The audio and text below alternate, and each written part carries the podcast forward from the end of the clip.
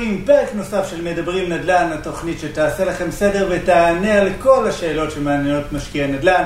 אני קובי זהבי והיום אני מארח את גלעד עוז, אה, חבר, יזם אה, בארצות הברית בתחום המולטי פמילי והנדל"ן המסחרי עם המון המון קילומטרה של ניסיון, גם בארץ, גם בחו"ל. אה, בטוח שיהיה מרתק להקשיב לו ויפלו כמה אסימונים, כרטיסי סים, תלוי באיזה... באיזה שנה. באיזה שנה נוצרתם. אה, בדיוק. אם אתם לא יודעים מה זה אסימון, לא נורא, הכל בסדר. זה רק סימן שאתם במקום הנכון, אז גלעד, מה העניינים? בסדר. איזה כיף שאנחנו נפגשים. האמת שכן, נכון? לגמרי. זהו, אז גלעד באמת ככה חבר טוב וקרוב, איש מקסים עם המון המון ידע. אה, אני מתרגש לראיין אותו, ושהוא מתארח אצלי בפודקאסט. כנ"ל, כנ"ל. אה, שמע, יש לנו מסורת ככה בפודקאסט, אתה יודע, נדל"ן זה זה יפה, זה נחמד והכל, אבל אה, אף אחד לא נולד נדל- נדל"ניסט, אף אחד לא, אתה יודע, לגמרי. מגיע לאן שהוא היום, ככה, בלי לאכול קצת חצץ בדרך.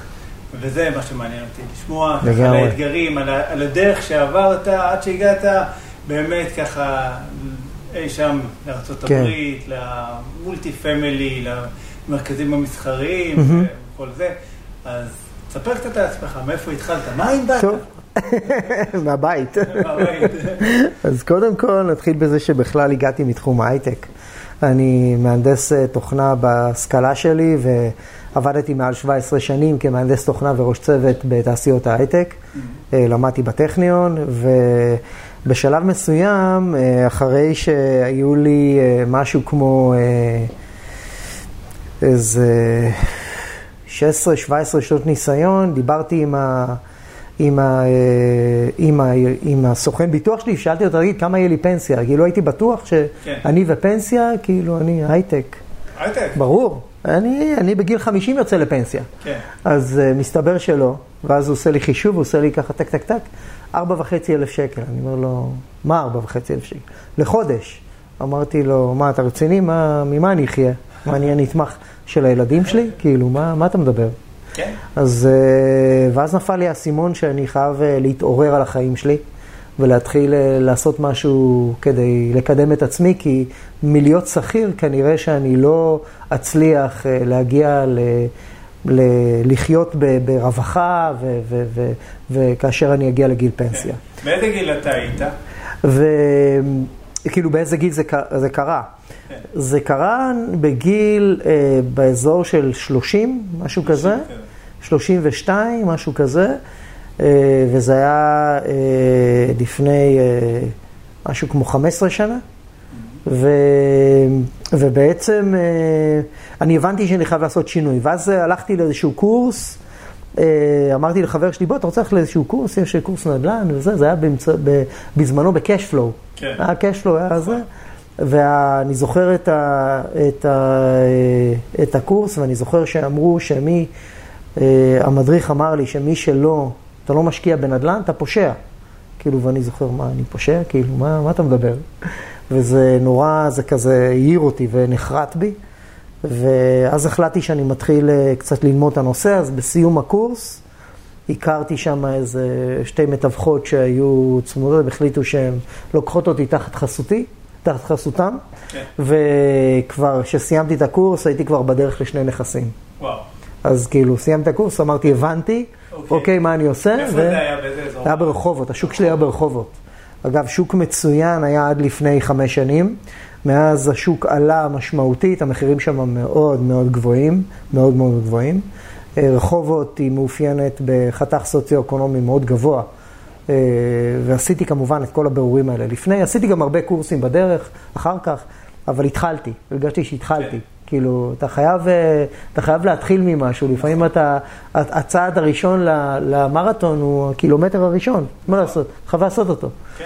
אז, אה, כן. יודע, לקנות לה את נכון. הספורט. וגם הפחד, הפחד של, רגע, מה, אני אקנה כאילו עוד נדל"ן ו- ו- ועוד בית, וזה זה מפחיד, בהתחלה זה מפחיד, ואני מבין את כל אלה שחוששים בהתחלה. אז אה, כולם מתחילים, כמו שאמרת, בזה, בתהליך בהתחלה, ו- ואין מה לעשות, זה, כולם מתחילים מהצעד הראשון וכולם מתחילים מההתחלה וזה בסדר גמור. כן. אין בעיה, אף אחד, כמו שאמרת, אף אחד לא נולד אה, נדל"ניסט. אה, נדל"ניסט, כן.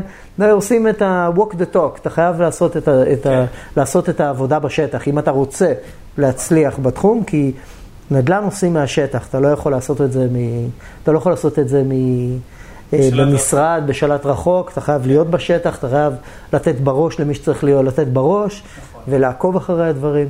אז, אז זה מה שעשיתי בהתחלה, ואז התחלתי לעשות אה, כל מיני, אה, הייתי קונה נכסים בתקופה שמס רכישה היה שלושה וחצי אחוז. לא יודע אם מישהו זוכר את זה, אבל היה פעם. היה. היה, כן, היו היה.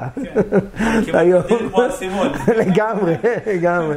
היום זה 8 אחוז וכל מיני כאלה, ואז עשיתי את זה כמה שנים, כל פעם עשיתי איזשהו אקזיט ועוד איזשהו, צברתי לעצמי עוד הון ועוד הון, והפכתי להיות אה, מומחה באותה, באותה עיר, באותה עיר שבה אני התעסקתי.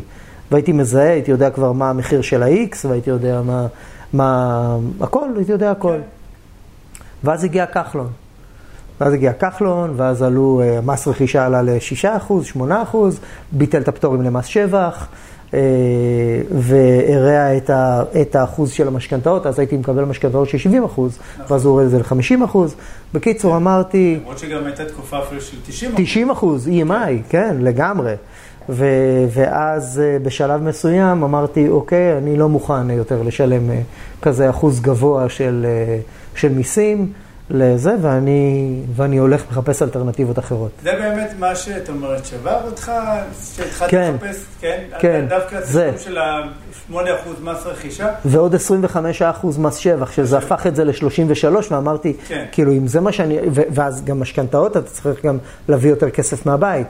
אז זה הפך את זה למשהו שמבחינתי, כמשקיע, לא כמישהו שקונה כן. נכס אה, אחד, וזה, שזה משהו אחר, נכון. אבל כמשקיע זה הפך את זה למשהו שהוא יותר, אני משלם הרבה מיסים בשביל להשיג את מה שאני רוצה, מה שיכולתי לפני, נכון. ביותר, בפחות 33 אחוז. אז היום אני, היום אני ללא צריך לשלם ספק יותר. היום האתגר לייצר עסקת אקזיט שהיא מהירה, אתה יודע, כן. לקנות, למכור, לסיים את כל הסיפור הזה נניח בפחות משנה, הופך להיות מאוד מאוד מאתגר, זאת אומרת, אה, כן? נכון. היום הרבה פעמים שמדברים איתי, מציגים לי עסקאות אקזיט, אני רוצה לקנות, למכור עוד חמש שנים. כן. לזה אני פחות קורא, כן, באופן אישי, עסקת נכון. אקזיט. קנית אחלה נכון, דירה, and hold החזקת קצת, החזקת אותו, ונכון. אחרי חמש שנים, סבבה. נכון, זה, לא מצוין. זה לא אקזיט, נכון, נכון, נכון. כן. והיום גם כן, אה, היום יש כל כך הרבה, כל עם ישראל הפך להיות משקיעי נדל"ן, כן. לצורך העניין. אז אה, בשביל להשיג עסקאות טובות, באים אליך, לדוגמה, בשביל שאתה תמצא להם את העסקאות המיוחדות בארץ. נכון. כי אתה יודע, אתה מומחה, וזה מה שאתה עוסק ביום-יום. אז אין היגיון של מישהו ינסה לחפש מחט בערימה של שחת, כאשר הוא יכול לקחת מומחה, וישיג לו את מה שהוא רוצה להשיג. עוד פעם, תראה, הוא גם יכול להשיג לבד, איך לעשות חקר שוק והכל. לא, זה, בעיה זה, זה, אפילו זה, מעודד, מטור, זה מטורף, אבל הכמות הזמן שהוא יצטרך להשקיע, וכמות הידע שהוא יצטרך להבין, אין, לרוב האנשים אין את הזמן הזה. זו הסיבה שבאים אליך בתור מומחה להשיג עסקה בארץ, באים אליי להשיג עסקה טובה בארצות הברית. ולוקחים מישהו מקצועי, אני למדתי. זול הוא יקר. אה, מי שמחפש, בסופו של דבר כן. מגיעים אלינו בשביל אה, קיצור דרך, אוקיי? נכון. לקבל ודאות, ביטחון. נכון. לא משנה, בסדר, לך לארה"ב, אלינו לישראל, נכון. אנחנו גם בפולין, אה, כן, בסדר, כן. מסתובבים, גדלים כן. ככה לאט לאט ועושים הרבה חקר שוק. אז אוקיי, אז יש את הנקודה הזאת שכחלון הגיע. אז זו הנקודה שבה העלה את הבנתי. שיחק עם המס שבח, עניינים, והבנת ש... ואז הבנתי שאני מחפש, אל- אני רוצה לחפש אלטרנטיבות אחרות. אמרתי, אין מצב שאני לא יכול להשיג תשואות יותר גבוהות, כי עד לפני כן הייתי משיג בארץ, היה תשואות של 7-8 אחוז, שהן היו תשואות יפות, כן. שזה חלום, היום חלום. אז, אה, אז זה, מה ש, זה מה שעשיתי בזמנו. ו... ואז עברתי הברית. בהתחלה קניתי בתים פרטיים. אה, עברתי לאיזשהו, הבית הראשון, השני שלי, עברתי, באתי לאיזושהי חברת השקעות אחרת פה בארץ, ש, ש, שמוכרת, מלווה. אה, זה, אמרתי, אני, עם כל הניסיון שלי, יש לי ניסיון בארץ, אבל אין לי ניסיון בארצות הברית. אז אני בא צנוע. אני בא אומר, אני לא מבין בארצות הברית. הנה, בבקשה, הנה, קחו זה. וכמה מגיע לכם? בבקשה. קבלו, כן. תביאו לי בבקשה עסקה אה, בארצות הברית, ועסקה טובה, וזה, וטה-טה-טה וטה-טה-טה. ומהון להון התחלתי לצבור אה, נכסים של סינגל פמילי בארצות הברית. ואז עם הזמן התחילו הבעיות. אוקיי. פתאום קלטתי שזה לא כזה נחמד. למה? אה, בארצות הברית, כן. כן, אה, קודם כל הדיירים, נתחיל בזה, וחברת הניהול. יש שני דברים שמאוד מאוד בעייתיים בהשקעות של בתים פרטיים, סינגל פמילי בארצות הברית. אה, שתי, שני אספקטים שצריך לקחת אותם בחשבון. הדבר הראשון זה הנושא של חברות הניהול. חברות הניהול בארצות הברית, הן יודעות שאתה, שאתה לא גר שם, הן יודעות שאתה לא מקומי. אז הן מנצלות את זה. אז הם אומרים לך, תשמע, היה תיקון, אבל לא היה תיקון. כן. היה צריך להחליף את המזגן, הוא עולה 5,000 דולר, אבל אני יודע כמה עולה מזגן. מזגן עולה 2,500, 3,000, מה, איך הגיע 5,000 דולר? אז זה כזה, ככה, סוגרים אה, בפינה עם, ה, עם האיש המזגנים, והוא כן. מקבל כסף, והם מקבלים כסף, ואתה נשאר עם פחות כסף בכיס. אה, ואז מה שזה גורם, זה בעצם גורם להפחתה של התשואה שלך. כן. כי אני הולך לעשות עסקת השקעה ונדל"ן בארצות הברית על מנת להרוויח כסף. אז אם אני, הרבה כסף מתבזבז לי בדרך, אז נשאר לי פחות כסף בכיס. אז התשואה שלי כן. זה כבר לא 9-10 אחוזים, זה כבר הופך להיות פחות. זה דבר ראשון. דבר שני, אה, הדיירים, ואני קניתי אה, נכסים לא ב-50 אלף דולר ולא ב-30 אלף דולר, קניתי נכסים באזורים טובים אה, של 80-90 אלף דולר ומעלה. היו גם חלק מהנכסים עלו 150 אלף דולר, שאז היה נחשב... שזה היה. נחשב הרבה, זה היה נחשב יקר. לקנות נכס ב-300. ב-300 לגמרי, לגמרי, זה היה בשנת 2013, כן. זה היה נחשב יקר. זאת אומרת, זה התאוששות ממשבר הסאב. כן, כן, לגמרי, לגמרי. היום אותו נכס עולה, לפחות 300. אותו נכס שאני קניתי ב-100, כן. ב-150 בזמנו. אז, אה, ואז פתאום קרו כל מיני דברים קצת בעייתיים. הדיירים לא תמיד שילמו בזמן, ו, וקרו לי מקרים שהשאירו לי איי חורבות אחרי שעזבו את, ה, את, ה, את, ה, את הבית. כי הוא מדבר איתך נניח שבית של 150 אלף דולר, בית של 250-300 מטר מרובע, ענק, כן? שאתה צריך להחליף את כמעט הכל בפנים, שטיחים, לצבוע, אה, פרקט לתקן, מטבח, כאילו, ואתה אומר, fuck, מה, כאילו, כל הרווח שלי. כל מה שהרווחתי, הכל הולך עכשיו לשיפוצים. כן. ואז פתאום נפל לי האסימון ש, שזה, יש פה, יש פה בעייתיות מסוימת מבחינת לקנות בית פרטי. כי קודם כל, כשאתה קונה בית פרטי אחד, אז אתה, אין לך פיזור סיכונים. זאת אומרת, זה בוליין, יש לך סוחר, אתה מקבל 100% מהכסף, אין לך סוחר, אתה מקבל אפס. כן. וזה אה, בעייתי. אני, שאני קונה דברים יותר גדולים, אני קונה בניין של 100 יחידות או מרכז מסחרי, אז חלק מהיחידות לא מושכרות, עדיין ת... שאר היחידות יחפו על היחידות האלה, כן. ואני- והמשקיע יקבל את רוב הכסף שלו, גם אני, אבל אנחנו נקבל את רוב הכסף שלנו. זה העניין של פיזור סיכונים. וכאשר אני אה, מנהל עסקאות ומנהל אה, את ה, בעצם אה, כספים של המשקיעים, אני בעצם מנהל סיכונים למשקיעים. אז אני צריך לשים את הכסף בצורה חכמה ולעשות לעשות מחשב, מחשבה נכונה, איפה אני שם את הכסף, איפה, באיזה נכס, לבדוק את הפרמטרים של, של פשיעה, השכלה, כמה אנשים מרוויחים, את ה, את ה, לבדוק את הבתי ספר, לבדוק אלף ואחד דברים לפני. אז כאשר אני עושה את הדברים האלה ואני מנהל את הסיכונים למשקיעים שלי, אז הם מרוויחים כסף טוב, כן. אוקיי? ולא יקרה מצב שפתאום אין לי סוחר וזהו, זה יורד לאפס. אז זה לא, כי יש, שאר היחידות מחפות על זה. אז זה עניין של ניהול סיכונים, ולכן אני עברתי לתחום המסחרי. אה, וכמובן, כאשר אתה אה, עובד ב, מול חברות הניהול, ש, שאתה בעצם נותן להם 50, 60, 70 אלף דולר בשנה, נכס אחד, אז הם יחשבו פעמיים לפני שהם ינסו לעשות כל מיני קונצים שאולי ירוויחו אולי איזה אלף דולר, כי הם עלולים להפסיד הרבה יותר. וזה המאזן האימה שנמצא אצלהם בראש, ואני מבין את זה, ולכן הם לא, וגם אני גם מכיר את כל הפוילשטיקים שלהם כבר, אז אני לא זה- ינסו לעשות את זה. את אותה הסתכלות, אתה יודע, אנחנו שעכשיו אה, נכנסנו לשוק בחו"ל, אנחנו תמיד מגיעים גם קבוצה. אז זה כבר לא משקיע אחד מול חברת ניהול, אנחנו תמיד קבוצה מול חברת ניהול. והוא יודע שיפה מאוד שברגע שהוא יעשה פולישטיקים כאלה, אנחנו כל שלום, הקבוצה... בדיוק, עוזבת, ביי. בדיוק. ואז הוא יפסיד לא 100 דולר בחודש, או נכון. לא 1,000 דולר, הוא יפסיד אוקיי. עשרת אלפים, עשרים אלף דולר בחודש, זה כבר יהיה, זה כבר יהיה משהו שיותר משמעותי עבורו. ואז הוא יחשוב פעמיים. אין מה לעשות, ככה, וזה שאתה, וזה בדיוק הנקודה. אנשים לא מבינים, אנשים, הרבה, הרבה ישראלים, אני נתקלתי בזה כמה וכמה פעמים, שאנשים רוצים, להורים, אני רוצה שיהיה לי בית שלי, שיהיה בטאבו, שאני, יהיה חתום עליו. וכאילו, יש כאלה שזה חשוב להם, העניין הזה, אוקיי? זה, אני, לפי דעתי זה פשוט מגיע מהמקום שהם מחפשים את המשהו כמה שיותר את הביטחון, ודאי ואת הביטחון. את הביטחון, בדיוק. כן. שזה שלי, זה רשום שזה שלי, בדיוק. זה בסדר, בדיוק. אני לא רוצה מניה כן, במולטי כן. פמילי, בקרן. נכון, נכון. אבל, אבל הם לא מבינים, הם לא מבינים, לפחות לא בהתחלה, אחר כך אולי הם כן מבינים, כמה הם נמצאים בסיכון ברגע שהם קונים בית פרטי. זה, זה בדיוק הבעיה. שהם נמצאים פה בסיכון, גם מבחינת חברת הניהול וגם מבחינת אה, תזרים המזומנים. אין להם סוחר, הסוחר בדיוק עכשיו קורונה. עכשיו הוא כן. מחליט שהוא לא משלם. קרה לי למשל באחד מהבניינים שלי, אוקיי? ש-25% מהאנשים באותו בניין החליטו, יצא חוק שאסור להוציא, אסור, אי אפשר לפנות אה, משכירים בתקופת הקורונה, אז הם החליטו שהם לא משלמים. כן. ושישה חודשים, רבע מהבניין לא שילם. אבל עדיין היה לי שלושת רבעי בניין אחר, שכן שילם. כן. אז זה חיפה על זה. אז תאר לעצמך שבן אדם אפילו היה לו סינגל פמילי 1, 2, 3, 4, 5 אפילו, בסדר? זה בעייתי.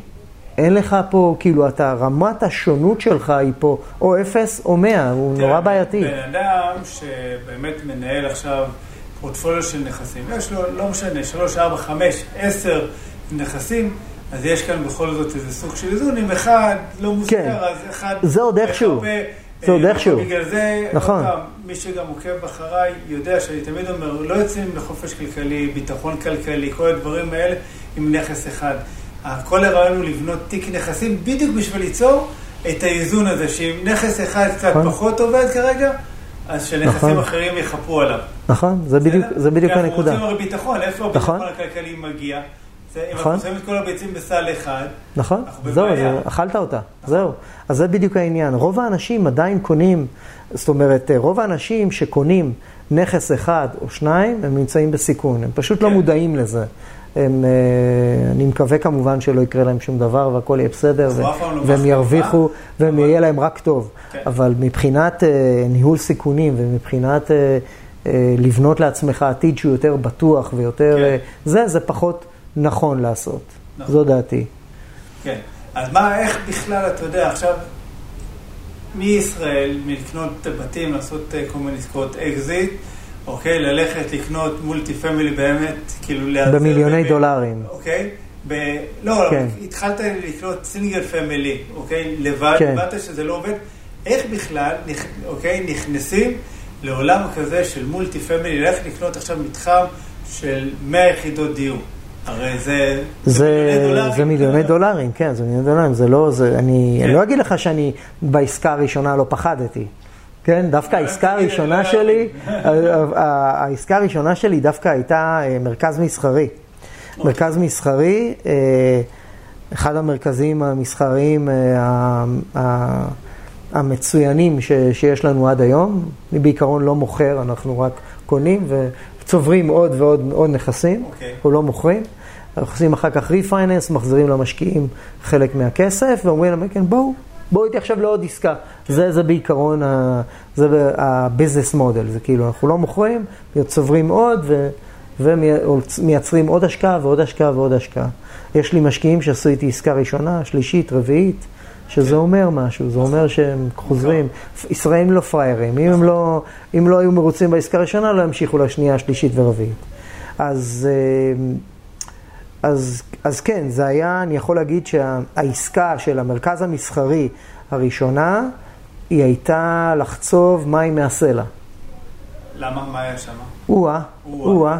נתחיל לספר לך, זה, זה אה, לא... אה, אנשים שאכלו חצץ. כן, הרבה הרבה חצץ. העסקה הראשונה הייתה מאוד מאוד קשה. אה, נתחיל בזה שהמשא ומתן עם המוכר, ו- ו- ופה, ו- ואחרי זה היו את, אה, אה, אני תמיד קונה עם אינספקשן ובדק ובודק כן. בדיוק מה הנכס, ולהבין בדיוק מה המצב ההנדסי. ואז אני בא אליו ואני אומר לו, אוקיי, צריך לעדכן את זה ואת זה ואת זה, תוריד לי עוד 70 אלף דולר, משהו כזה. אינספקשן, למי שלא מכיר, זה בעצם תהליך של בדיקה שמביאים, אה, אוקיי, כמו בדק בית, נכון. לפני הרכישה, נכון. שבודקים את הנכס לפני, ויש דוח ליקויים. כן, זה מהנדס שמגיע, מהנדס, ומוציא דוח, הוא בודק את כל המערכות, בין אם זה חשמל, אינסטלציה, אה, מזגן, בודק את המזגנים, בודק את, הגג, בודק את הכל, את המדרכות, הוא בודק ממש אספלט, הוא, הוא נותן דוח מאוד מאוד מפורט שיכול לנוע בין 30-40 עמודים ל-120 עמודים, והוא נותן כן. בדיוק מה בכל נקודה, מה הבעיה. ו... זה, זה, זה ככה, אני כבר היום יודע. יש לך, שמי, אנחנו ניפגש מתישהו. אנחנו, אנחנו, כן, לא תשמע, זה כבר, אתה יודע, זה כבר, באהלן אהלן, אני כבר קורא את זה בעיקר בלילה, זה מרדים כן. יופי אגב, מרדים יופי. אז, אה, אבל אני יודע לאיפה כבר ללכת, כן. אה, לנקודות הבעייתיות, אה, איפה לחפש את הדברים עם הבשר, לא הדברים הפחות משמעותיים. נכון. ו, ואז, זה, זה, בוא נגיד שהתהליך של ה... עד שסגרנו את העסקה, הוא לקח זמן. ואז היה לי, אה, אה, אף בנק לא רצה לתת לי משכנתה. אף בנק, כאילו, בהתחלה אמר לי, נחמד, אתה גלעד, יופי, אחלה, אבל אתה לא, כן. לא מכיר אותך, לא יודע מי אתה. אה, אתה ישראלי, אין לך סושיאל, אין לך סושיאל, סושיאל זה כמו תעודת זהות בארצות הברית, זה, כן. זה המספר המזהה. ואנחנו לא נותנים לך משכנתה.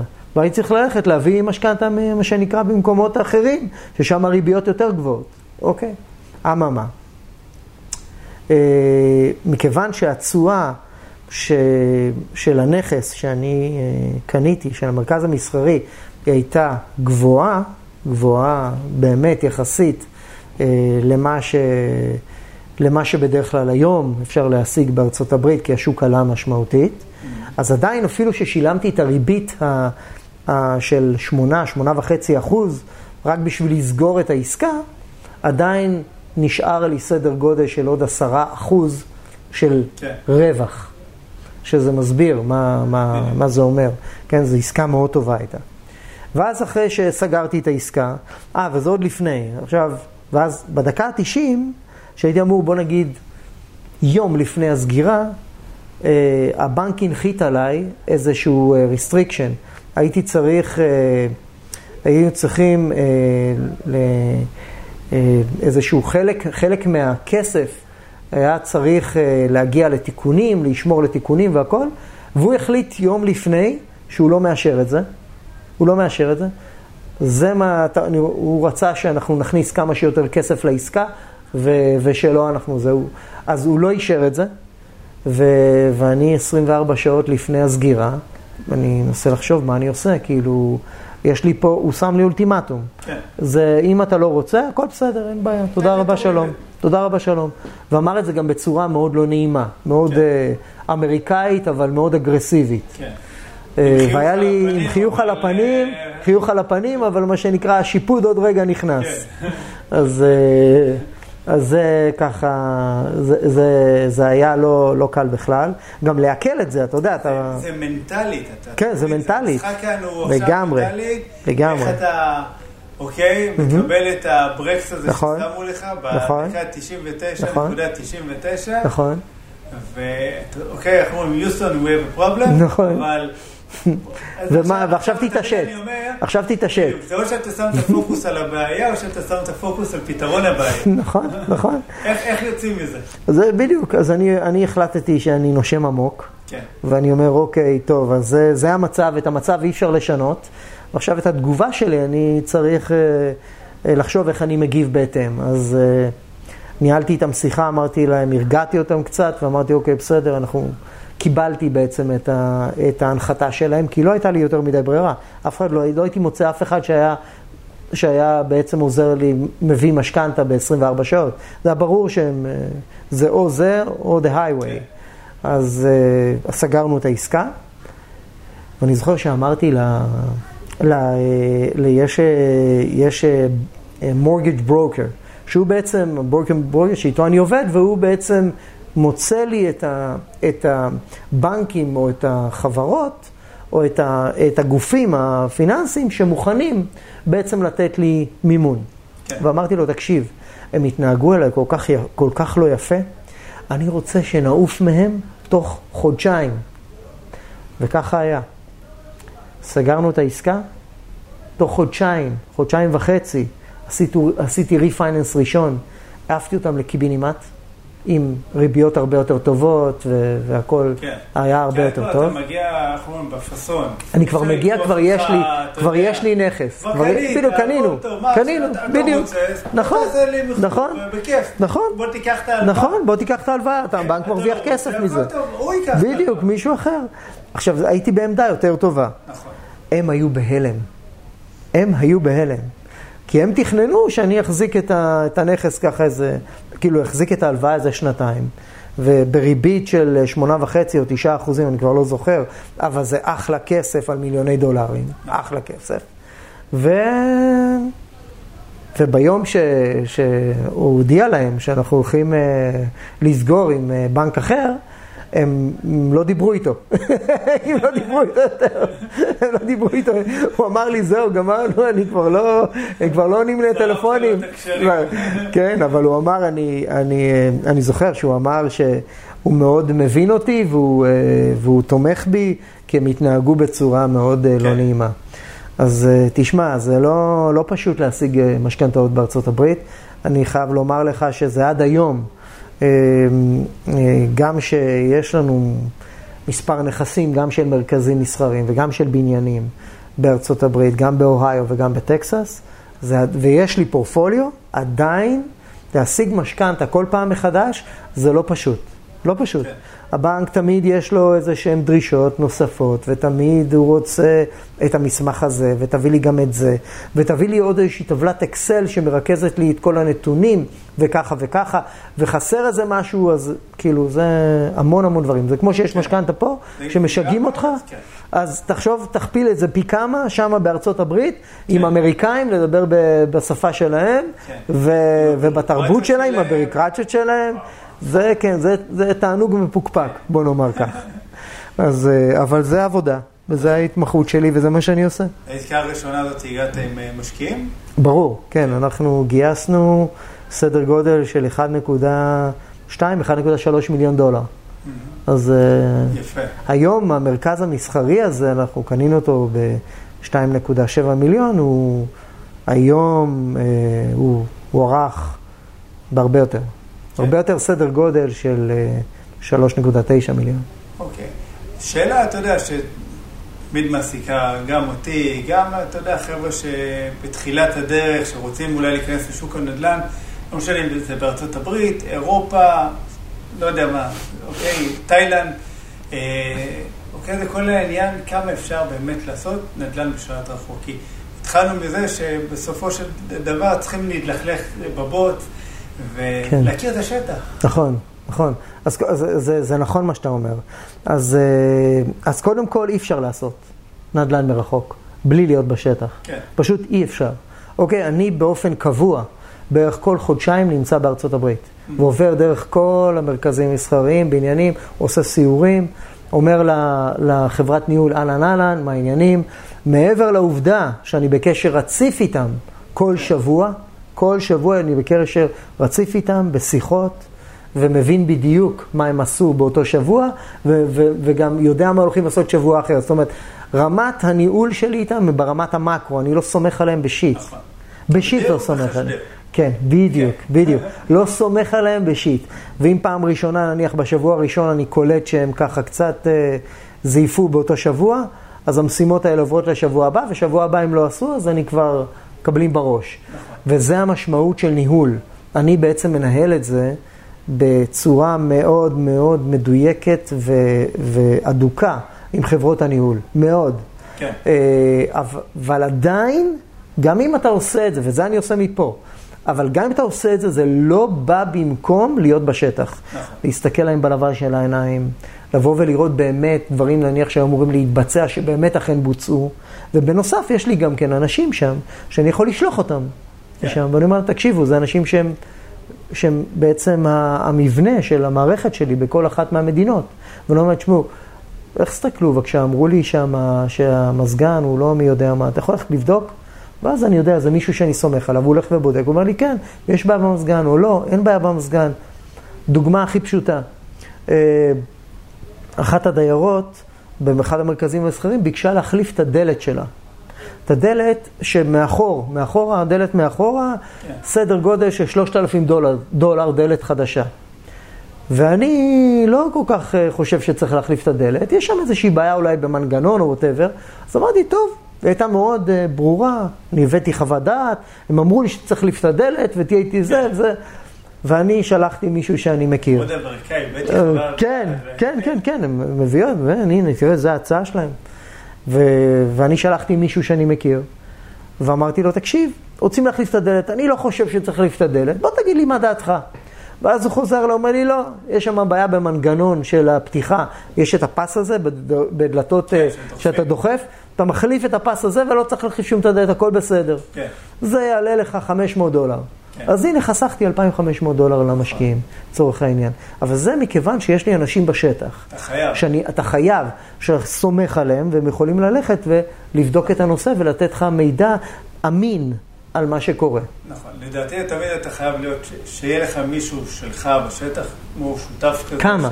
כמה? כמה כאלה. כמה? וגם לבקר, כי בסופו של דבר, שמע, אנחנו קונים נדל"ן. Mm-hmm. זה מסחרי, זה, כן. זה מגורים, זה לא משנה. Mm-hmm. בסוף יש את הבניין, נכון. וגם יש מה שמסביב לבניין. נכון, נכון. ואתה יכול להסתכל בגוגל מה והכל, אבל זה צילמו לפני חמש שנים, אתה לא רואה את השינוי הסביבתי, לטוב ולרע, שקורה נכון. שם. נכון. והם צריכים ללכת, להכיר את השטח, והכול, אי אפשר להסתמך רק על נתונים, אתה יודע, ומספרים מהאינטרנט. נכון, לגמרי, לגמרי. עכשיו, אני אגיד לך גם יתרה מזאת. אתה, למי שחושב ללכת ולבנות אופרציה בארצות הברית, או בכל מדינה שהיא לא בארץ, אה, אתה צריך לבנות לעצמך אופרציה. אופרציה זה אומר ככה, אתה צריך קודם כל מתווך שאתה יכול לסמוך עליו, אוקיי? שאתה יכול איתו לקבל מידע אמין ממה שהוא יספר לך. אתה צריך עורך דין שינהל לך את כל הנושא של uh, המשפטי. אתה צריך מישהו שיהיה איש מזגנים. אתה צריך uh, מישהו שיהיה uh, uh, uh, מזגנים, אתה צריך uh, חלונות. אתה צריך אינסטלטור, אתה צריך מישהו חשמלאי, אתה צריך מישהו שיטפל לך בגג. זאת אומרת, יש לך פה לפחות איזה חמישה בעלי מקצוע, כן. שאתה חייב שהם יהיו hands on שם, mm-hmm. ואתה יכול לסמוך עליהם. כן. ו, אה, וזה אחד האתגרים. מכיוון שגם הם לא פראיירים. כמה אנחנו ישראלים חושבים שאנחנו, אנחנו ישראלים, אנחנו הכי חכמים בעולם. האמריקאים הם אלה המרובעים, הם, אנחנו בקטנה, אנחנו עוברים אותם ככה. אז זה לא, חברים, הם לא, הם לא פראיירים. ממש לא פראיירים, דברו איתך פשוט יפה, דברו איתך בצורה נעימה. ויתקפקו אותך בנימוס מאוד, כן. בנימוס מאוד.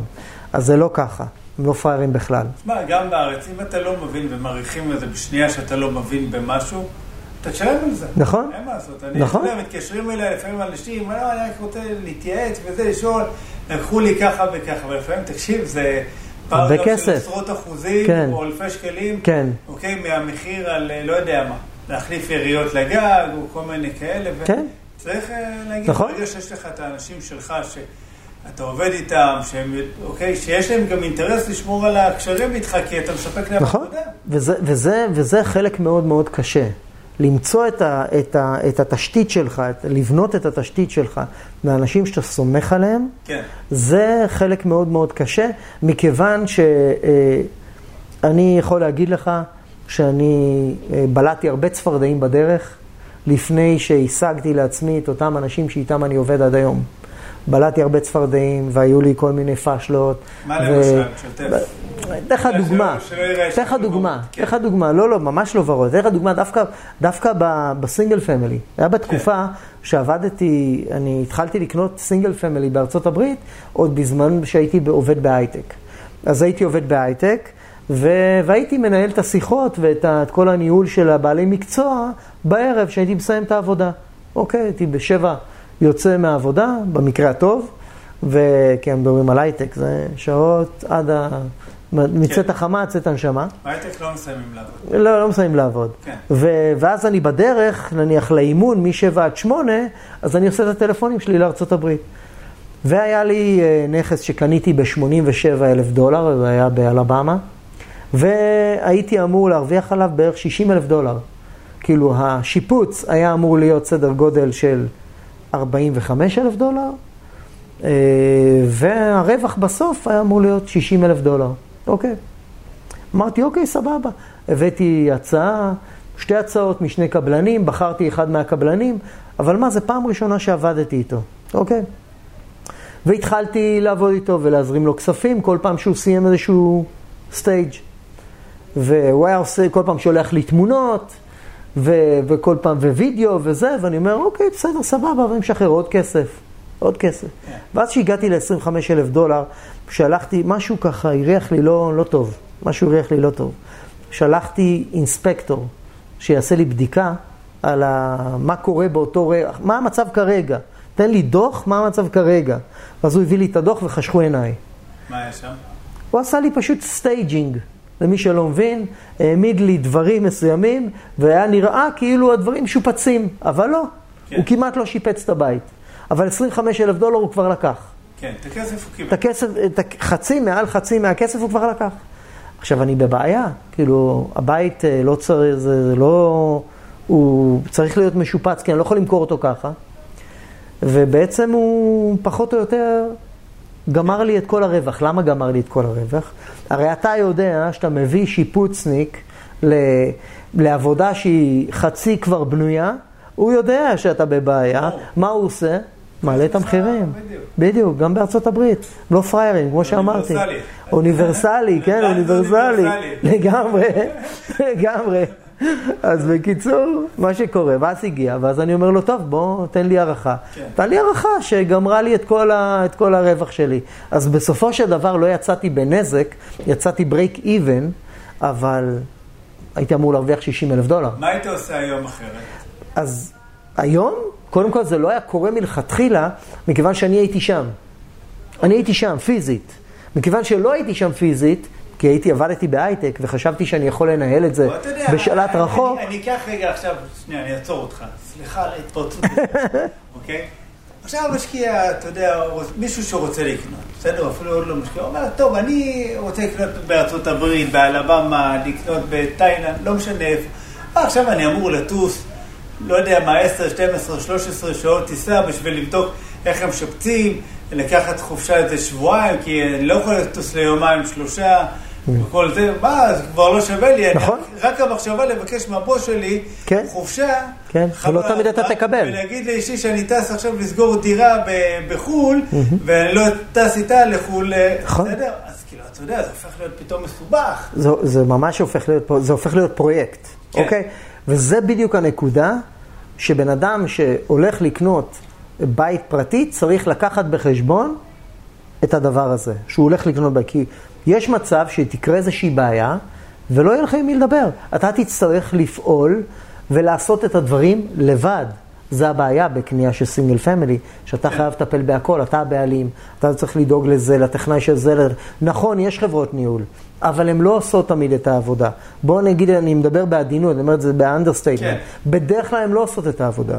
ואתה זה שיצטרך לסבול ולספוג את כל הדברים האלה. עכשיו, המשמעות, אתה צריך לקבל החלטה. אם אתה מתעסק בזה ביום-יום ויש לך מספיק זמן, לך על זה. הכל בסדר. אבל אם לא, ורובנו לא, כי אנחנו גם כן. עובדים, אנחנו גם אנשי משפחה, אנחנו גם זה, כל אחד מאיתנו, אה, אה, אין, ל- לרובנו אין, אין הרבה זמן פנוי. כן. אין לנו הרבה זמן פנוי.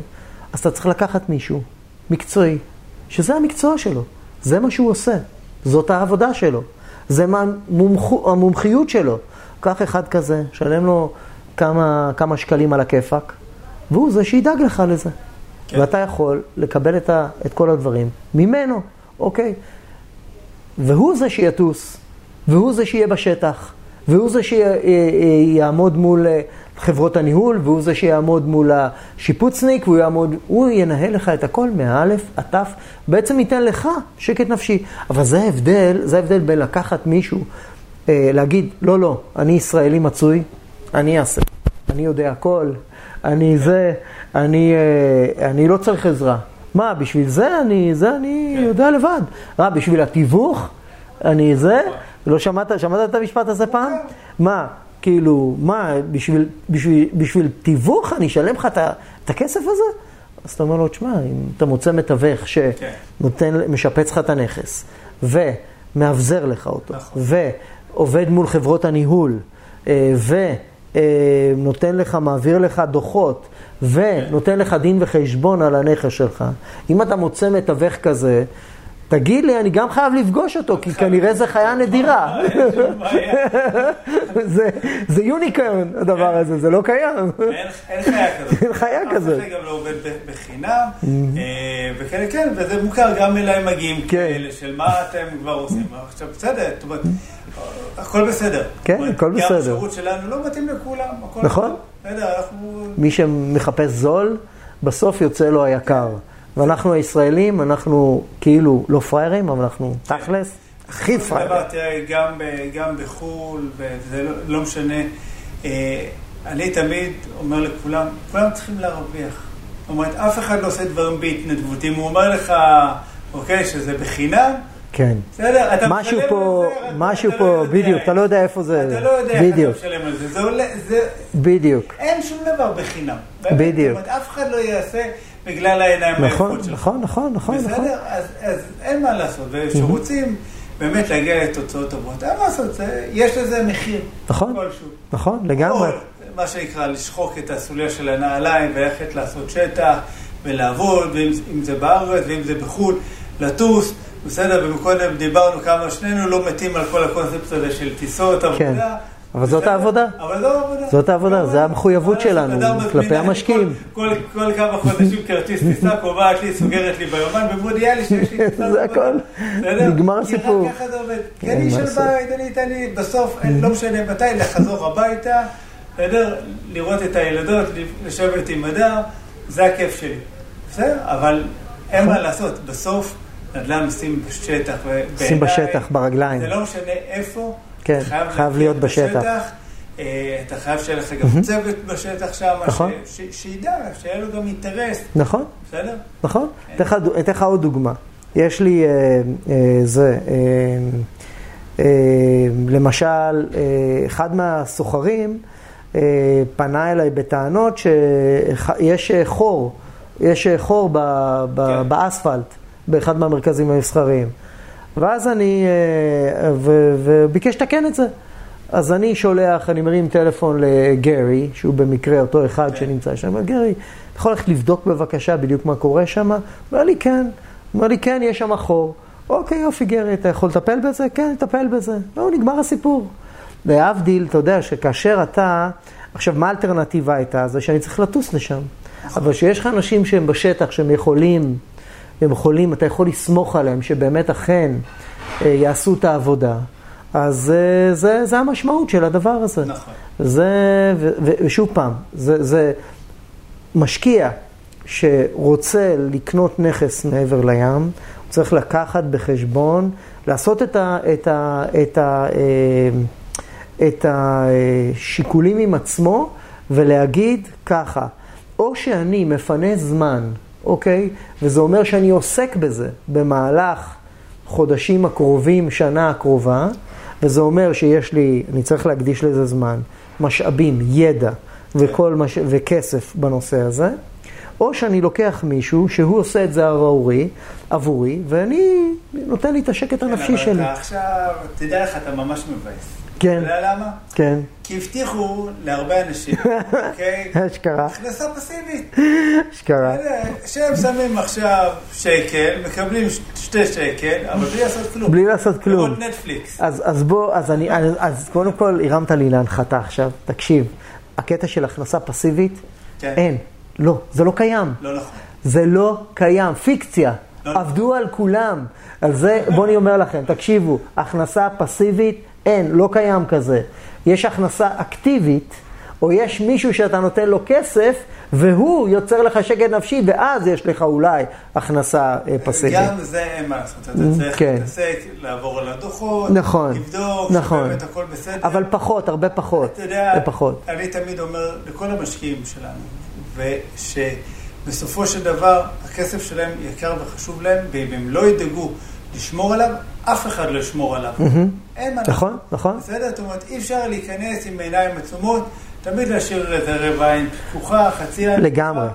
ולהיות, אתה יודע, וזה בסדר, ואני דווקא אוהב את אלה שהם ערניים ובודקים והכול, ושואלים את השאלות, הכל בסדר. הכל בסדר. אתה יודע, זה גם מאוד פשוט, כן. שהכל בסדר. כן. ואין לך מה להסתיר, סבבה, הנה, כן. כן. אתה, לפני שהוא ביקש כבר, אתה מניח את זה על השולחן. אני, אני למשל, אני למשל, אה, אני יכול להגיד שאני עובד בשקיפות מלאה. כל דולר שיוצא מהחשבון, או כל זה, יש דוחות, גם של חברת הניהול וגם שלי, שאני מספק כל רבעון. כן. אז, אז יש דוחות, ובעצם אה, הם יודעים מה המצב של הנכס מבחינה פיננסית. עוד משהו שאני רוצה לגעת בו, ש... שלא לא אלינו, אבל, אבל זה חשוב לי, חשוב לי להזהיר את האנשים כן. ושידעו.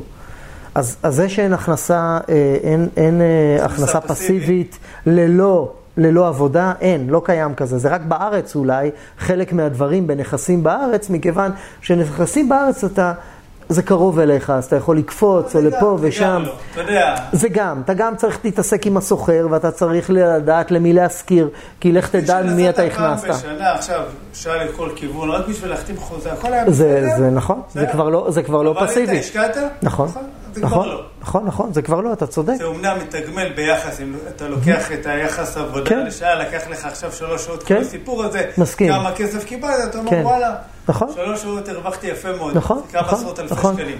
נכון? בסדר. אני רוצה אבל לגעת בעוד נקודה. כן, יש אה, לא מעט אנשים, יש מוכרי חלומות, שהם מספרים לאנשים שיש משהו שנקרא כזה הבטחת תשואה. שהבטחת תשואה, זה, אני מת כן. על הדבר הזה, אבל הבטיחו לי. שמונה, עשרה אחוזים, ב, אה, כן. לא משנה מי, הבטיחו לי בפרויקט שזה מה שיהיה לי. אז אני רוצה לנפץ את הדבר כן. הזה. אין דבר כזה, אין דבר כזה, הבטחת תשואה. אין דבר כזה. אי אפשר להבטיח תשואה בנדל"ן, לא בארץ, לא בארצות הברית, לא באף מקום. כי אין מה לעשות. אם יש משהו שהקורונה הזו לימדה אותנו, זה שאפשר אפשר להסתמך על זה שבטוח יהיה משהו שיכול לקרות. נכון. אוקיי, כאילו, תהיה בטוח שמשהו יקרה, אוקיי? כן. וזה, וזה זה נתן כאילו שיעור טוב להסביר שאין דבר כזה, ש, שהכנסה, ב, אין, אין דבר כזה. אתה לא יכול, אתה לא יכול להבטיח את זה. באמת לא יודעים מה יהיה, אתה יודע. נכון, אתה לא יודע. עכשיו, יש, יש אנשים שמבטיחים תשואה, ואני רוצה לבקש מכם, לכל מי ששומע את זה, לכל מי, ש... מי שמבטיח לכם תשואה, פשוט תגידו להם תודה רבה, להתראות, תגידו שלום, ת, תברחו כל עוד אתם יכולים, כי אם מישהו מבטיח לכם תשואה, כנראה הוא עושה לכם כל מיני דברים אחרים, שזה אני לא אסביר פה איך הם עושים את זה, אבל, לא, אבל, זה לא אה, משנה, אבל אבל בדרך עושים, כלל מרוויחים עליכם. אני יכול להגיד, בסדר? כי בסדר, כן. לי מותר, מה כן. אכפת לי, אה, אוקיי? אני לא בכובע שלך. שבדרך כלל כשמבטיחים תשואה מובטחת, לרוב אתה משלם לעצמך את התשואה המובטחת. נכון מאוד. זה- זה- בסדר? נכון מאוד. מאוד פשוט. ואין דבר כזה עסקה שהיא נטולת בעיות. אני תמיד אומר, אנחנו קונים נדל"ן, מתישהו, תמיד מרפי מגיע לדפוק בדלת. הוא מגיע בלי בקבוק יין, בלי שוקולד אומנם, הוא מגיע תמיד עם איזה בעיה. יכולה להיות בעיה קטנה, כן. יכולה להיות בעיה גדולה, אנחנו אף פעם לא נדע, אבל תמיד הוא יגיע. זה רק נכון. עניין של זמן, נכון. אין מה לעשות. אז נכון. זה חלק מהסיכון נכון. שמשקיעים. נכון. אי אפשר להגיד שזו השקעה נטולת סיכון. אין? דבר כזה. בעצם זה שאנחנו לא, חיים זה כזה. כבר מסוכן. לא, לא, אין? דבר, שאנחנו לגמרי. נדל"ן, זה מסוכן. נכון, זה אולי פחות מסוכן נכון. משוק ההון, בסדר, ששם התנודתיות הרבה יותר גבוהה, אבל עדיין יש סיכון. תמיד יש סיכון. אז נכון. שהסוחר לא ישלם, שהסוחר יהרוס את הנכס, אה, שהמזגן יתקלקל. תיקון, תיקון בלתי צפוי, כן, קורה. לא. אני תמיד אומר למשקיעים שלי, שאין דבר כזה השקעה ללא סיכון. כן. אמרתי לו, גם אנחנו קונים נכסים, הנכסים שאנחנו קונים זה נכסים מסחריים שמניבים כסף למשקיעים מ-day one. זאת אומרת, הנכס קיים, לא צריך לבנות אותו. השוכרים כבר בפנים, בערך ב-80, 90 אחוז, 100 אחוז תפוסה, ולא צריך לשפץ אותם. פשוט נכסים מוכנים וישר מתחילים לקבל כן. כסף. עדיין, עדיין, אני אומר תמיד למשקיעים, גם שאנחנו יודעים פחות או יותר את הצפי של התשואה, כי התשואה היא קיימת, הנה, זה התשואה, כן. כרגע, אוקיי, כרגע. מחר חלק מהסוחרים יכולים לצאת, מחר חלק מהסוחרים אחרים יכולים להיכנס, פתאום היה איזשהו נכון. תיקון אה, שפתאום צריך, אין דבר כזה אה, אה, אה, השקעה ללא סיכון, לא קיים. ואני תמיד אומר את זה, כי זה חשוב. אז זה כל אלה שמוכרי חלומות ומספרים שיש תשואה בטוחה ואין זה ואל תדאג וזה, לא, אל תזה. יש, קורים דברים וצריך לקחת את זה בחשבון, נכון. כחלק מהעניין. נכון.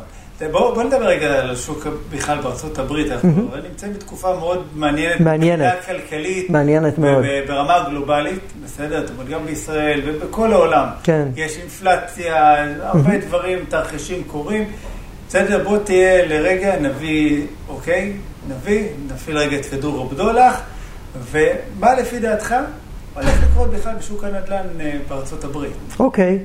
אז בואי נתחיל, בוא נתחיל מזה שבעצם שוק הנדל"ן בארצות הברית רותח. כן. אוקיי? בוא.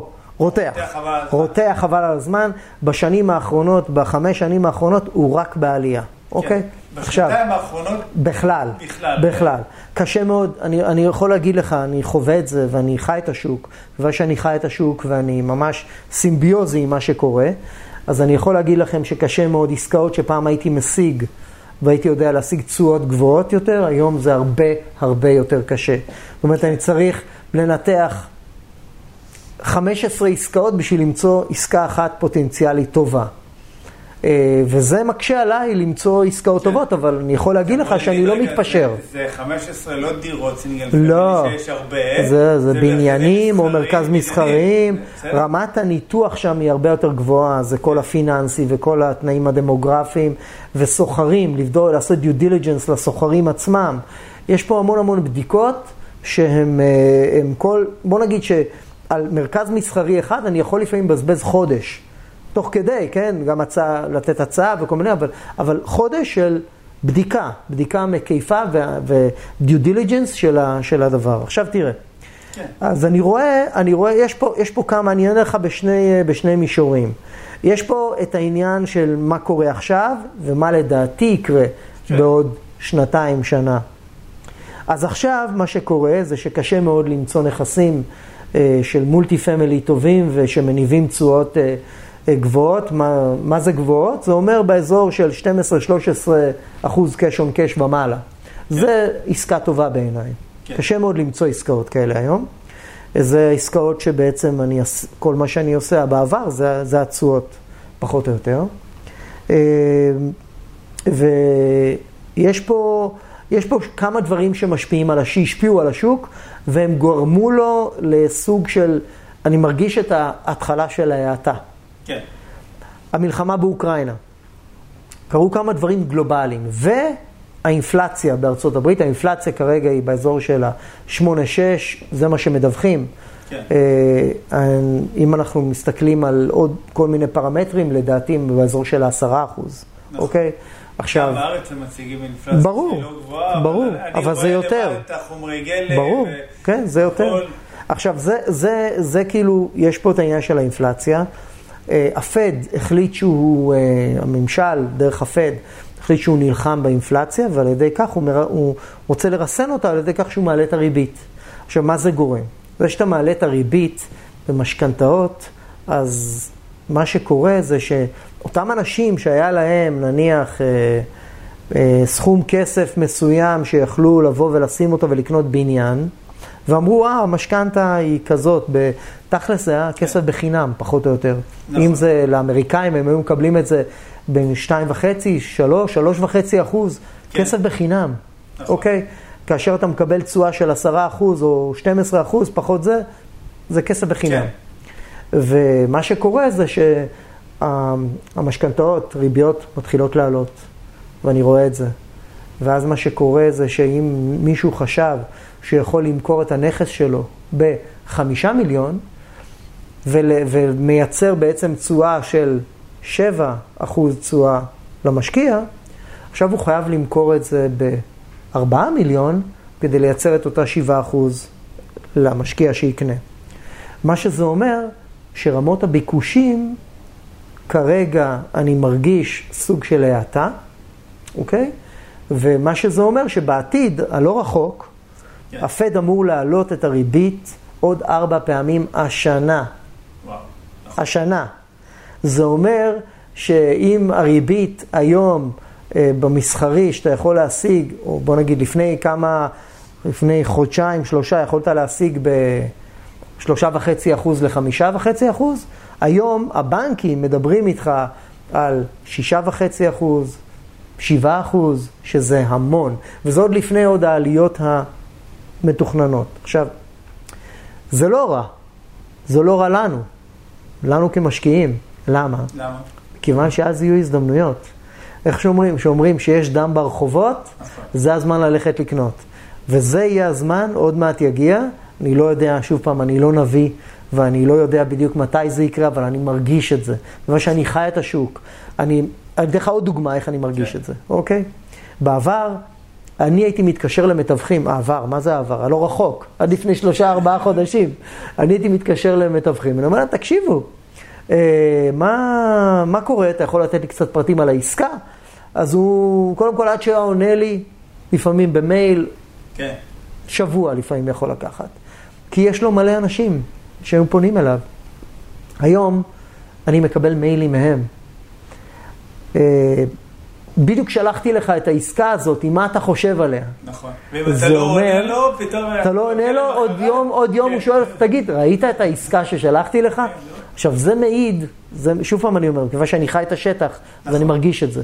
זה מעיד על כך שרמות הביק, הביקושים התחילו לרדת קצת. ואז, עכשיו אני, אני רואה המון, המון, אה, כן. המון אה, עסקאות, כל יום אני מקבל איזה בין 10 ל-20 עסקאות למייל שלי, מכל מיני אייג'נטים שונים. כן. אז אני רואה את כמות העסקאות שהולכות וגדלות. נכון. דרך אגב, אני, אני לא בארצות הברית, אבל אנחנו לא, לא עובדים בארצות הברית כרגע, אבל אה, עוד פעם, ישראל, פולין וכאלה, אני יכול להגיד לך שהרוח נושבת די אותו דבר. אבל גם בישראל, אם עד לא מזמן כמעט ולא היו עסקאות, זאת אומרת, היית מתקשר למתווך, הוא היה, אתה יודע, בדרך כלל אפילו היה מתקשר אליי לשאול אותי אם יש לי איזו עסקה להביא לו, כי הוא, אוקיי, אין להם מה למכור. עכשיו פתאום אתה רואה שיש יותר עסקאות, קצת יותר, והן יותר זמן על המדע. זאת אומרת, הן לא נחטפות, כי עד לא מזמן עסקה הייתה יוצאת לשוק, היא הייתה פשוט נחטפת ברמה של שעות.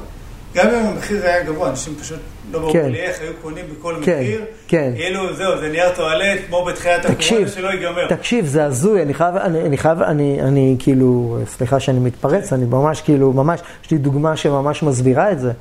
היה איזה, היה איזה אה, מרכז מסחרי ושני בניינים לפני שלושה חודשים שאני אה, הצעתי עליהם הצעה, אוקיי? באתי להציע הצעה.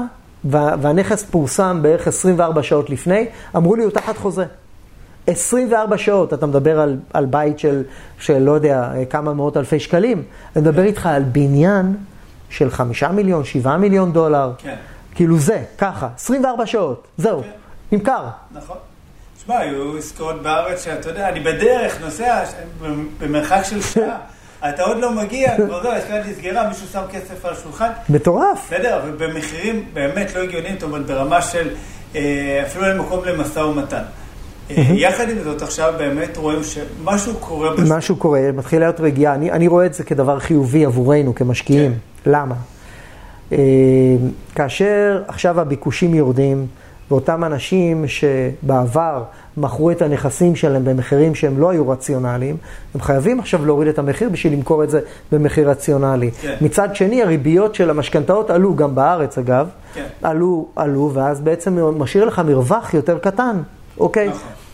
אבל יש פה, יש, פה, אה, יש פה אסטרטגיה. האסטרטגיה שלי אומרת דבר כזה. אנחנו עכשיו, לצורך העניין, גם אם אני עכשיו קונה נכס שהוא מניב תשואה טובה לפי הריביות של המשכנתה שלפני כמה חודשים, הוא מניב תשואה פנטסטית, בסדר? כן. אבל זה לא יישאר, הריביות הגבוהות לא יישארו עוד הרבה זמן ככה. זאת אומרת, אני עכשיו נניח קונה נכס, סתם דוגמה, בחמישה מיליון, שעוד לפני, לפני אה, אה, שלושה חודשים הוא נמכר בשישה וחצי מיליון. ומכיוון שהמשכנתה עלתה, ריביות המשכנתה עלתה, אז המרווח, התשואה שנשארת לי לחלק למשקיעים, היא קצת יותר נמוכה מהרגיל. כן. הכל בסדר, אבל זה לא יישאר ככה לאורך זמן. נכון. זאת אומרת, עוד. שנתיים הת- הריבית תרד, כי, כי הריבית, המטרה היא ליצור, בעצם להרגיע את השוק. אז השוק כן. יירגע, יורידו את הריביות, ואז אוטומטית אני עושה מחזור, מחזיר למשקיעים חלק מהכסף, והם נשארים עם נכס שמניב יותר. הרבה יותר. נכון. אז, אז יש פה אסטרטגיה. זאת אומרת, מבחינתנו, המשבר הזה הוא הזדמנות. אני מחכה כמו צלף. אני כן. מחכה כמו צלף. אני מחזיק את המזומנים, אני מחכה לעסקה הטובה, שאני בום, אשים את זה ואני יודע, אוקיי, כולנו מרוויחים פה. נכון. אני חושב שעוד פעם, ברגע שהביקושים יורדים, פתאום גם בעלי הדירות רואים שיותר קשה להם, אוקיי, למכור. אז הם חייבים. להוריד, חייבים להוריד מחיר. ואז עוד פעם, בדיוק, עכשיו, כן, שאנשים לא, לפי דעתי, שלא יחשבו שעכשיו אנחנו בעצם הולכים להגיד ששוק הנדל"ן הולך לרדת, שהמחירים הולכים לרדת. אני לא, לא לא, חושב שזה לא, מה שיקרה. לא בטווח הקרוב. זה ירד, אבל לא בטווח הקרוב. שהמשקיע המקצועי שמכיר את השטח ויודע לזהות את ההזדמנות ויודע לנהל משא ומתן כמו שצריך, יוכל לזהות את אותו בעל דירה שחייב למכור, בסדר? וידע להוביל אותו למחיר הנכון. וראינו את זה גם לפני, זאת אומרת, עסקאות שהיינו עושים לפני, אפילו שנה אחורה, לפני שהשוק ממש בר בישראל. תקשיב, היו עסקאות מטורפות, היה אפשר לנהל משא ומתן, כי הדירה הייתה יכולה גם לעמוד לפעמים שלושה חודשים, ובעל הדירה כבר היה מצמיח שערות לבנות, אוקיי? ורק רק תבוא תקנה, כן, מבין? ופשוט כן. הייתי מגיע, שם מחיר על השולחן, כן. ואתה מבין? ובחכה כן. הייתי יודע, בסדר, עוד שבוע, עוד שבועיים, אני מקבל את הטלפון, ותהיה עסקה. כן. אתה יודע, השוק, איכשהו התנהל בשנה האחרונה, נכון. לא אפשר את זה. לא אפשר את זה, בדיוק. סבבה, נתת בדיוק. מחיר, היו בועטים אותך. נכון. בסדר? כי היו עוד עשרה אחרים כן. שבאו נתנו ועוד את אותו לפני מחיר. שהעפת מהדלת כבר נכנסו. אם לא יותר, בדיוק.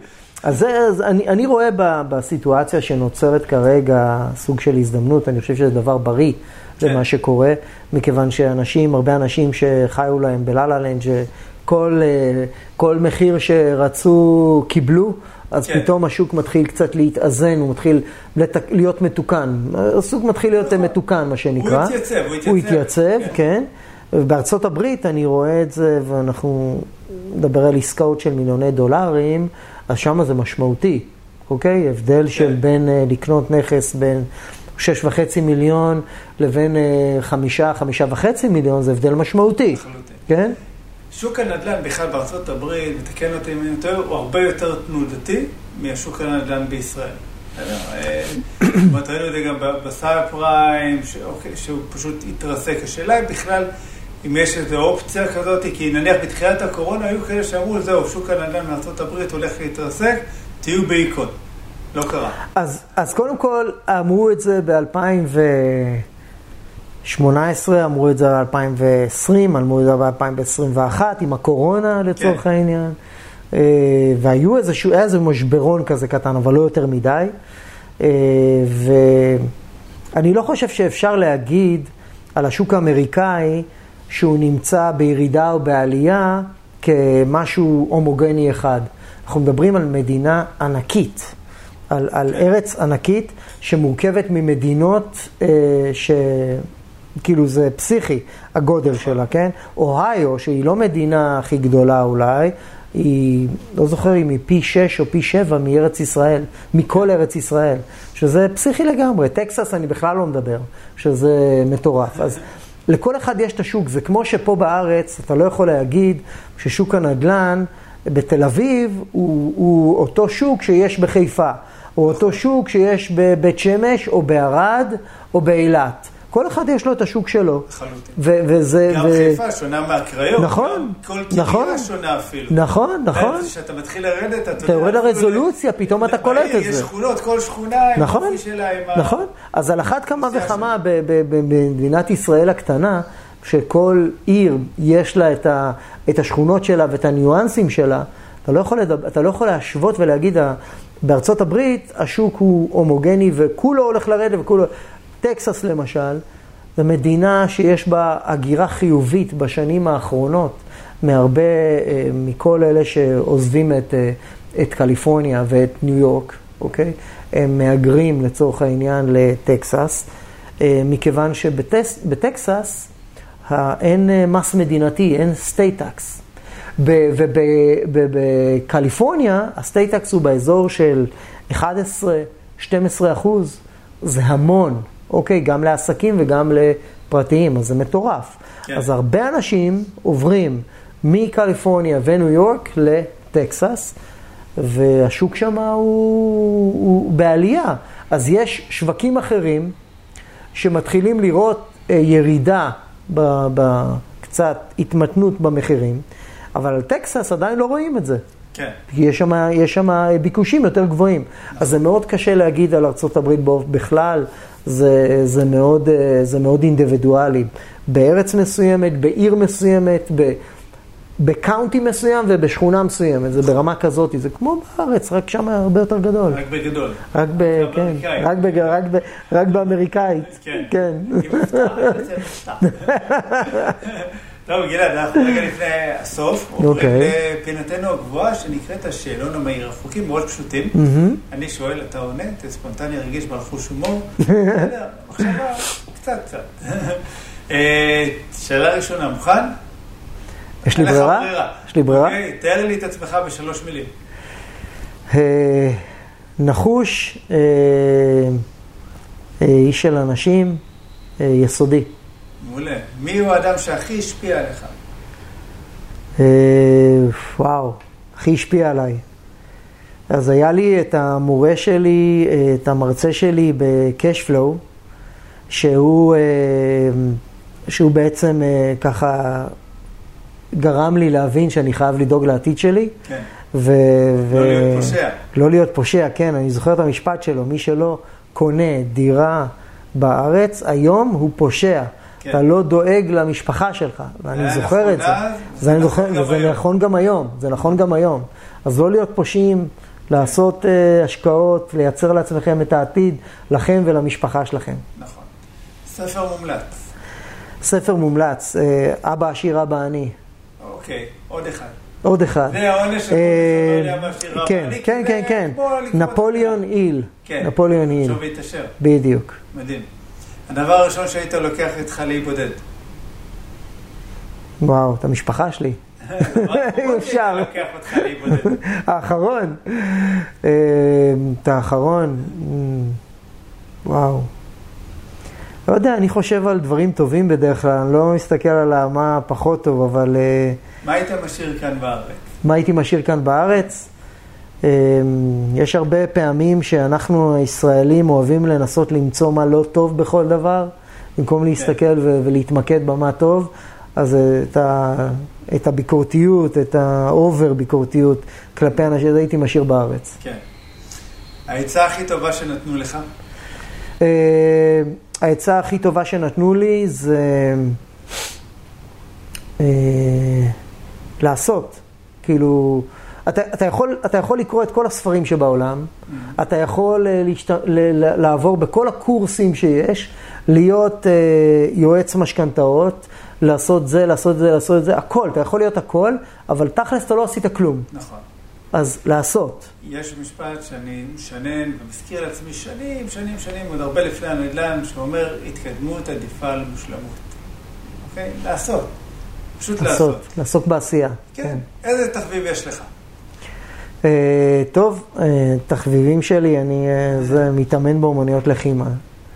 Uh, כדורסל, יוגה, זה הדברים שאני אוהב לעשות. מדהים. טיולים. איפה אתה רואה את עצמך בעוד עשר שנים? Uh, בעוד עשר שנים uh, עם uh, פורפוליו הרבה יותר גדול, uh, ויש מצב כבר שנהיה בארצות הברית. כן? יש מצב. חושב על רילוקיישן? כן, כן. כן? כן. טוב, יש היום זה בעניין? יש מצב, יש רמזים. יש... גבינות ויין. אם היו עושים סרט על החיים שלך, לאיזה ז'אנר הוא היה שייך? וואו. סרט, אה, סרט אמניות לחימה, או סרט על, אה, אני אגיד לך מה, סרט על, אה, על ספורטאי נניח, שקשיים שלו עד שהוא מגיע לפסגה. כן. אני מאוד מתחבר, ל, מאוד מתחבר לסרטי ספורט כאלה. של אדם סנדלר. כן. סרט ממש ממש יפה. דווקא לשם שינוי לא עושה את כל השטויות שלו, הוא נקרא שיחוק, הפכו לזה שם גרוע. הוא מספר באמת על, הוא אה, מאתר אה, כוכבים ל-NBA. אני ראיתי, זה סרט מדהים. סרט מדהים, מפוצץ, כזה. בתובנות, ובאמת של התפתחות אישית ומנטלית, סרט מדהים, מדהים, מדהים, מדהים, הרבה זמן לא נהניתי. כזה. אם לא ראיתם, תחפשו כן. סרט מעולה. אה, באמת חובה, וממש, ממש, כן. ממש, ממש. אה, לאן היית הולך אם היית בלתי נראה? אתה יודע שלא Hmm. לא התכוננת לשאלה כזאת. לא, ממש לא. נכון. לאן הייתי הולך אם הייתי בלתי נראה? כן. נראה לי לישיבות, אה, לישיבות ב- בוועדת חוץ וביטחון. כן? הייתי שמח להיות שם זבוב על הקיר ככה, לשמוע את כל, ה, את כל האסטרטגיות, מה אנחנו כן. הולכים לעשות לאיראן, או כל מיני כאלה, מאוד מעניין אותי הדבר הזה. הבנתי. אוקיי. אה, כמה זמן לוקח לך להתארגן בבוקר? אני, אני לא איש, אני איש של, אה, יש את הקצרי שינה והארוכי שינה, כן. אז אני הארוכי שינה, אני לא הקצרי שינה. אני קם, לוקח לי זמן עד שאני מתניע, אבל כשאני מתניע אז אני... פול גז. פול גז. נכון. סוף סוף מישהו לוקח- ככה, קורא, אמיתי, אמיתי, אמיתי. כולם מתארגנים תוך רבע שעה. עכשיו אני מסתכל, אני איך רבע שעה? זה רק הזמן לקפה. נכון. מה יש לכם? מה אתם אני? מתעורר כל יום בשבע בבוקר, כן. ועדיין לוקח לי זמן עד ככה שאני בבוקר אני מתעורר. בכלל, וכאלה. אתה יודע, קם גם מוקדם, מדיטציה, וקורא, כן. וזה, ולוקח את הבנות לבית ספר, והולך להתאמן, יש לי טקס בוקר של כמה שעות, ככה, בסדר. זה כיף. כל אחד וה... אבל אתה יודע, זה בסדר גמור. שלנו, נכון. אנחנו צריכים לעצב אותם כמו שאנחנו רוצים. כמו שאתה רוצה, בדיוק. אה, מה הדבר שעשית שאתה הכי גאה בו? אה, הדבר ש... שעשיתי שאני הכי גאה בו, אה, זה הילדים שלי, אני חושב. וזה ה... זה כאילו דבר שאני גאה בו מאוד, ואני אוהב אותם מאוד. אה, ואני חושב שאני גם גאה בזה שהצלחתי לעזוב את ההייטק. זה היה, זה היה... אה, כלוב של זהב? זה היה כלוב של זהב, וזה היה מסע, כאילו, בוא, זה לא היה הכל אה, ורדים ושושנים, כן? בואו, כן. תר, כאילו, תירגעו. זה, לעזוב את ההייטק זה ממשכורת של כמה עשרות אלפי שקלים, להגיע לאפס ב, ב, בשנייה. ברגע. אוקיי, ברגע. כן. ואז אתה צריך להתחיל לדאוג לפרנסה, ולהתחיל לדאוג לכל מיני דברים אחרים, ו, וזה לא היה פשוט. אז כאילו, שאני לא אספר, שלא יחשבו ש, שכאילו זה הכל היה שושנים וורדים, זה לא. העבודה, הנחישות והאמונה שאני יודע שאני אגיע לאן שאני רוצה להגיע, ואני רוצה, ואני, ואני רואה את זה, ואני ממש מרגיש שאני הולך, אני אוטוטו שמה, כן. ו- ולא לוותר, אז אה, זה מה שכאילו אני זה גאה בו. בשפה, אתה יודע, של העולם של ההתפתחות אישית, נקרא לשרוף את הספינות. בסדר? אפרופו נפוליאון אה, איל, הוא כתב שם בספר על זה, נכון, אוקיי? על נכון. הגנרל שאמר ל- להם, אתם רוצים לשרוף את הספינות, כן. אתם רוצים ל- אה, לחזור הביתה, נכון. יש רק דרך אחת. לגמרי, וזה לנצח. לגמרי. בסדר? אז זה, זה ממש זה, זאת אומרת, ושמע, זה, זה מפחיד. כן. אה, ואני אני רוצה להתייחס לעוד אה, נקודה בקטע הזה. כשאני, שאני אה, הייתי בהייטק ו, ועשיתי דברים במקביל, כי כן. רציתי שההייטק יישאר אצלי כאילו כאופציה, נכון. שאם אני זה, כן, לא התקדמתי לשום מקום. נכון. כי תמיד היה את ההייטק שלקח לי המון זמן, ולקח לי המון זה, ולא יכולתי באמת להתקדם. לא עשיתי את הקפיצה שלי. מתי התחלתי לעשות, מתי עשיתי את הקפיצה שלי? שפתרתי מההייטק, כן. ולא הלכתי יותר, וירד לי המשכורת מעשרות אלפי שקלים לאפס, ואז הייתי חייב נכון. לטפל ב- בדברים האלה. הייתי חייב להתחיל לייצר לעצמי הכנסה, ולהתחיל למצוא, ולהתחיל למצוא נכסים טובים. ברגע ששמו לי את הסכין על הצוואר, זה היה, זאת אומרת, אי אפשר לעשות, חייב, כמו שאמרת, לשרוף את כן. הספינות, שרפתי את הספינות, זה היה קשה, כן. היה קשה. יש משפט אה, אה, אוקראיני שאומר שלעולם לא תצליח אה, לחצות את האוקיינוס עד שלא יהיה לך את האומץ שלא לראות את קו החוף. נכון, לגמרי. זה, זה דורש רגע איזה אומץ, להגיד, זה טוב, דורש אני, אה, אומץ, כן, אוקיי? כן, מוכן אה, לחצות את כן, האוקיינוס. כן, כן. שאלה אחרונה, אוקיי. קלילה, באופן יחסי. את מי היית ממליץ לי לראיין בפרק הבא? אוקיי, אה, שאלה טובה, תן לי רגע לחשוב. אה, אז מה נלך לאזול בעוד עשר? תשע, לא יודע, מלחיץ, צריך, צריך לחשוב על זה. שבע? צריך לחשוב על זה. שש? אין לי, אין לי איזה, אני חושב ש... אני חושב שיש פה אה, כמה חבר'ה טובים שעושים עבודה טובה, גם בנדל"ן בארץ וגם בנדל"ן אה, אה, בארצות הברית. ו... אה, לא חייב בארצות הברית, כן. חייב בארץ. כן. אה, אני לא יודע, טוב, אתה חייב לי תשובה. אני חייב לך תשובה. אין בעיה. בשיחה הבאה שלנו. לגמרי. טוב, תודה רבה לך. תודה רבה חברים שככה שביליתם איתנו עד כה. אם אתם עדיין לא רשומים לערוץ היוטיוב שלנו, זה בדיוק הזמן ללחוץ על כפתור ההרשמה. תלחצו גם על כפתור הפעמון שתישארו מעודכנים, ואם אתם מאזינים באחד מאפליקציות הפודקאסטים, אז תלחצו על כפתור העוקב, דרגו אותנו בחמישה כוכבים. בכלל, תגובות, לייקים, זה מחמם, זה גם מקפיץ את הקידום של הפודקאסט. אה, תצטרפו אלינו לקבוצת הפייסבוק של הקהילה מדברים נדל"ן. אה, ותעקבו אחרינו, אינסטגרם, טיק טוק, אין לי מושג כבר איפה אה, שלחו אותנו לעשות אה, ככה דברים טובים ולתת לכם ערך. והכי חשוב, תעשו השקעה טובה ונכונה בנדל"ן. גלעד, איזה כיף שככה... תודה רבה, תודה רבה לך, ממש. שמחתי, שמחתי ככה להשתתף. וכיף שאנחנו נפגשים. תמיד כיף להיפגש איתך. תודה רבה חברים. ביי.